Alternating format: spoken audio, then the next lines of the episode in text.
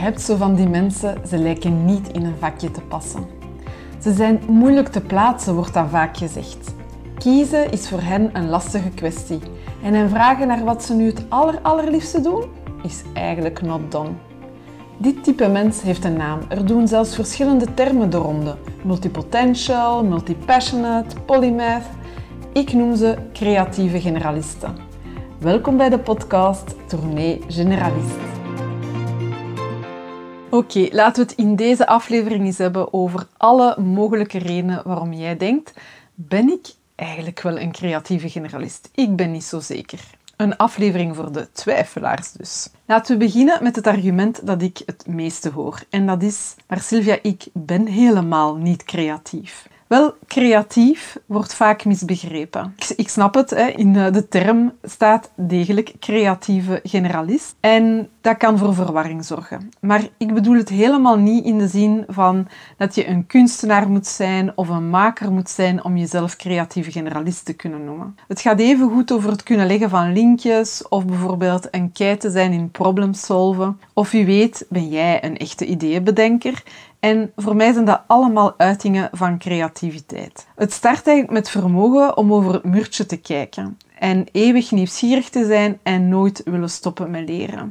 Dus als je je daarin herkent, dan ja, volgens mij ben jij ook creatief. Een andere opmerking die ik soms wel eens krijg, is de bedenking, maar ik hou eigenlijk wel van focus. Ja, pas ik dan wel in de beschrijving van de creatieve generalist? Wel, rond die focus bestaan ook heel veel misverstanden, want creatieve generalisten kunnen ook focussen, jawel.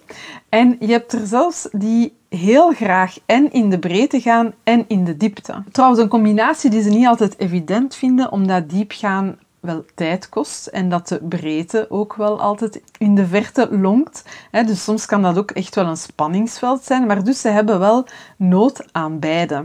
Plus, je kan ook verschillende specialisaties uitbouwen tijdens een leven. Hè. Bekijk het eens uh, uitgestrekt over een, een hele levensduur. En dan zie je dat je echt wel tot expertise kan komen en die diepgang kan bereiken in verschillende topics of op verschillende domeinen.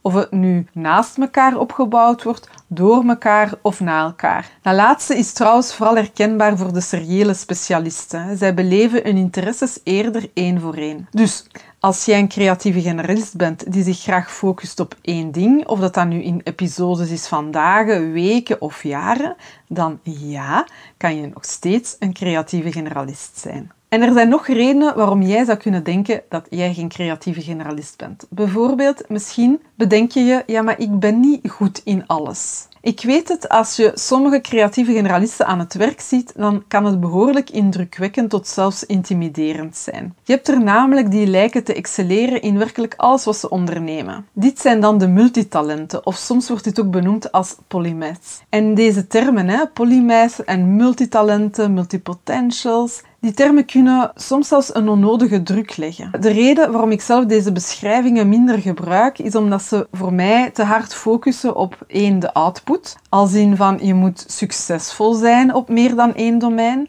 En ten tweede ook op inhoudelijke expertise. Als creatieve generalist hoef je niet per se uit te blinken in alles wat jou interesseert of wat je onderneemt. Dat is althans mijn mening. Het belangrijkste criterium voor mij is je hebt een breed interesseveld. En dat zegt nog niks over de output of over het resultaat van die interesse. Want ik merk soms dat sommige creatieve generalisten daardoor het gevoel hebben dat hun interesse niet legitiem zou zijn of zo. Dat ze daar zelfs niet mee mogen naar buiten komen, omdat, ja, omdat ze merken van ja, ik ben er niet goed in of ik ben er nog niet goed in. En ik vind dat bijzonder jammer. Waarom zou iets niet de moeite kunnen zijn? Gewoon omdat het jou plezier verschaft. Het is ook zo, als je er nooit aan begint, dan ga je het ook nooit te weten kunnen komen of dat er iets kan uitbloeien, wat dat niet per se moet. Hè. Het, het moet voor mij absoluut niet altijd uh, uitdraaien in een, een nieuwe business. Er moet niet altijd een verdienmodel of een job achter zitten. Maar als je er nooit aan begint, ja, dan zal het zich ook nooit kunnen ontpoppen tot zoiets, hè, mocht dat dan al jouw wens zijn. Dus het is door ja, het jezelf toe te laten, van het te mogen doen, het te mogen exploreren. Het is alleen maar zo dat je erachter zal komen of dat je er ook misschien mogelijk in goed kan worden. Oké, volgende argument. Deze is misschien een beetje verrassend. En dat is de uitspraak: Maar ik werk al tien jaar bij dezelfde werkgever. En trouwens, het kan ook 15 of 20 zijn, maakt niet uit, je snapt wat ik bedoel. Wel, mijn antwoord is dan: ofwel zit je in een rol of functie die, die van nature beweeglijk en afwisselend is, of je hebt al veel verschillende functies mogen doen binnen hetzelfde bedrijf. En dan zegt het aantal jaren bij een bepaald bedrijf zegt dat eigenlijk niks. Hè. Het gaat over, ja, wat, wat heb je al die tijd daar gedaan? Dat kunnen verschillende jobs in één zijn. Het is echt een misvatting dat een creatieve generalist niet lang bij eenzelfde bedrijf zou kunnen werken. Natuurlijk, het kan ook zijn dat je al heel lang ergens bent, maar dat je daar niet gelukkig over bent. Het kan zijn dat je al lang iets anders wilt doen, maar dat je de stap niet durft te zetten. En ja, weet gewoon dat we als mens banger zijn van actie dan van inactie, waardoor we, of veel mensen toch langer in een situatie blijven zitten dan dat ze zelf zouden willen. Maar ook in dat geval zegt hun anciëniteit dus bitter weinig over het al dan niet creatief generalist zijn. En dan om af te sluiten. Misschien ben jij wel iemand die denkt: ja, maar ik ervaar eigenlijk geen worsteling hierbij. Ik ervaar totaal geen spanningsvelden of zo in dat veelzijdig zijn. Ja, ben ik dan wel eentje? Wel, ja, zalig toch? Als dat jouw geval is. Je hebt echt mensen die heel dicht blijven bij wat hun kompas en aangeeft, zich niet te veel aantrekken van wat de omgeving ervan denkt en gewoon hun ding doen en floreren als creatieve generalist zonder zich echt bewust te zijn van het feit dat ze een generalist zijn. Het spreekt dan ook gewoon voor zich hè, dat je dan minder bezig bent met het kind een naam te geven, omdat je daar ook niet echt nood aan hebt. Ik zou zeggen, keep on going. Maar mocht je dit herkennen, toch een klein verzoekje voor jou. Want je kan jouw collega's, jouw collega-creatieve generalisten, wel echt helpen door mee ambassadeur te zijn voor dat veelzijdig zijn. Door toch een naam te geven en zo mee te werken aan een groeiende positieve beeldvorming.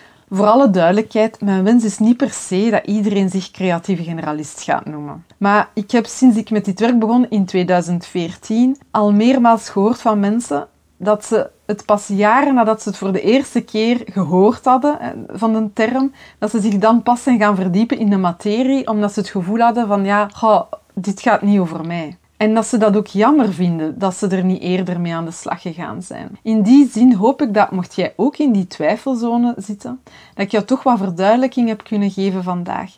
En ik zou je willen zeggen, het avontuur is zo pas begonnen. En ga dan zeker ook eens piepen naar de andere podcasts, want die gaan je ook nog heel veel context en verduidelijking geven en daar zal ook heel veel herkenning zitten. Zo wordt vervolgd. Bedankt om te luisteren en heel graag tot de volgende aflevering van Tournee Generalist.